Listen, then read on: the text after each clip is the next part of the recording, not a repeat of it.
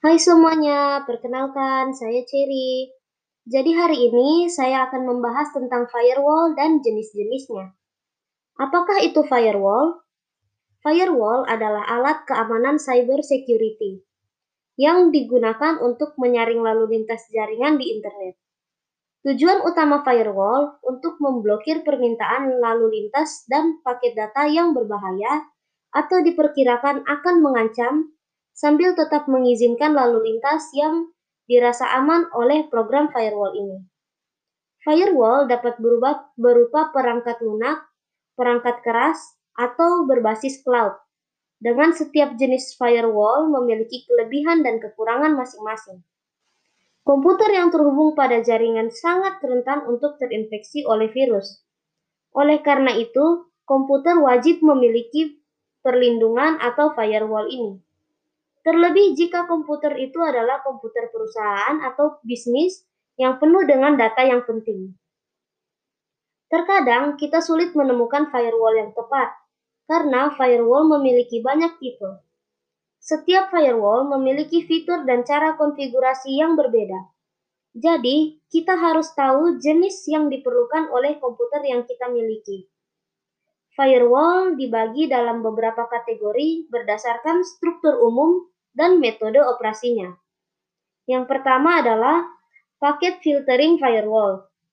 Paket filtering firewall adalah sebuah mekanisme yang dapat memblokir data jaringan yang dilakukan berdasarkan aturan yang telah diset oleh user.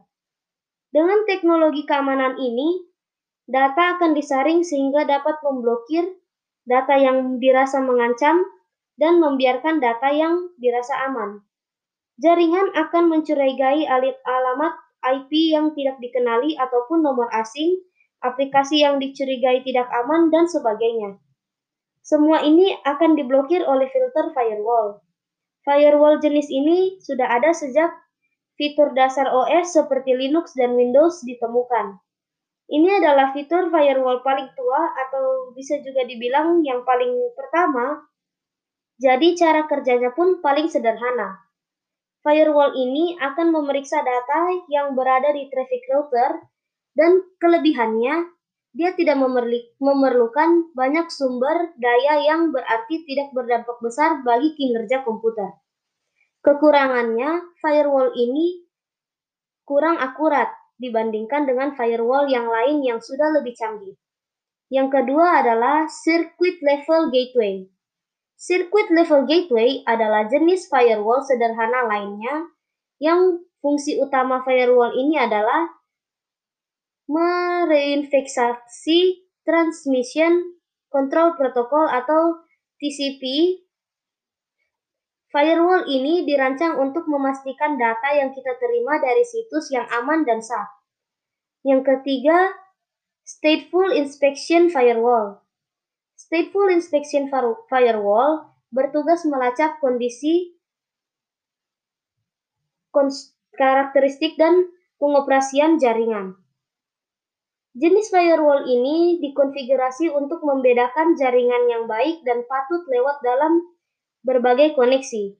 Firewall ini menggabungkan teknologi inspeksi dan verifikasi untuk menciptakan tingkat perlindungan yang lebih tinggi.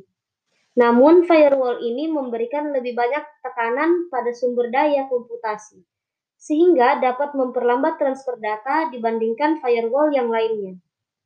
Yang keempat, proxy firewall. Proxy firewall beroperasi pada lapisan aplikasi untuk memfilter lalu lintas masuk antara jaringan kita dan sumber data.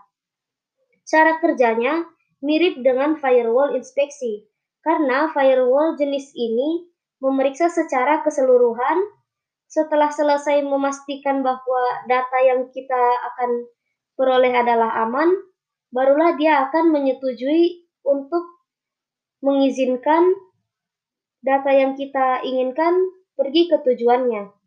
Singkatnya, proxy firewall memberikan perlindungan tambahan untuk jaringan anonim.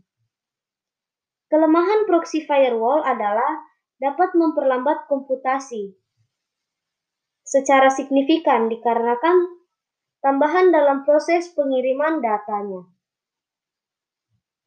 Selanjutnya adalah Next Generation Firewall.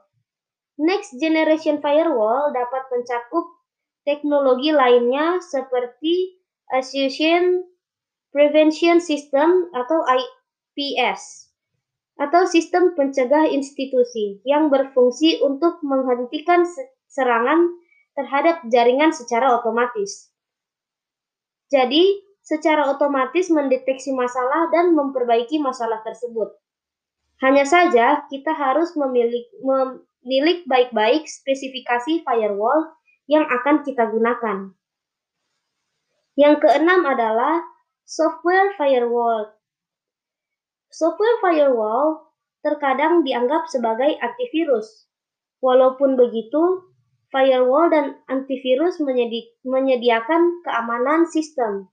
Perbedaannya, firewall membantu untuk mengendalikan lalu lintas jaringan dalam sistem dan bertindak sebagai filter. Sedangkan antivirus melindungi sistem terhadap serangan internal dan mencari virus yang berbahaya dan kemudian menghapusnya. Software firewall mencakup semua jenis firewall dalam bentuk aplikasi. Firewall jenis ini sangat berguna untuk menciptakan pertahanan secara mendalam dan mengisolasi masing-masing titik akhir jaringan dari dua arah. Kekurangannya, pemeliharaan firewall perangkat lunak individual pada perangkat ini berbeda dan mungkin akan membutuhkan banyak waktu. Yang ketujuh adalah hardware firewall. Setelah semua jenis firewall dalam bentuk program, sekarang kita akan membahas hardware dalam bentuk hardware. Dan jenis hardware ini bentuknya seperti router. Cara kerjanya, dia mencegat data dan memilih sebelum mereka terhubung ke server jaringan. Firewall ini unggul pada keamanan perimeter dan memastikan data yang berbahaya dari luar jaringan sebelum memasuki jaringan komputer kita. Kelemahannya, uh, hardware jenis uh, firewall jenis hardware ini mudah diserang oleh orang dalam dan perlu diperhatikan kemampuan tiap firewall perangkat keras yang bervariasi. Pastikan hardware firewall berasal dari merek dan tipe yang direkomendasikan dan cocok dengan komputer yang kita miliki. Yang terakhir adalah Cloud Firewall atau Firewall as a Service yang disingkat FAAS atau FAS. Biasanya, dianggap sama dengan proxy firewall. Sering digunakan dalam fire pengaruh fire firewall proxy. Walaupun sebenarnya firewall proxy tidak harus selalu dalam bentuk cloud. Fast ini sangat mudah ditambah ataupun dikurangi sesuai dengan kebutuhan kita masing-masing. Di saat kita ingin uh, dia memiliki lebih banyak kapasitas, maka kita dapat menambahkannya dan ketika kita tidak terlalu memerlukannya, maka kita dapat menguranginya sendiri. Itulah yang dapat saya bagikan hari ini. Jika ada kesalahan yang saya lakukan selama penyampaian ini, saya mohon maaf dan saya berterima kasih sudah mendengarkan. Uh, jadi hanya itu yang dapat saya bagikan. Terima kasih. Sampai jumpa lagi.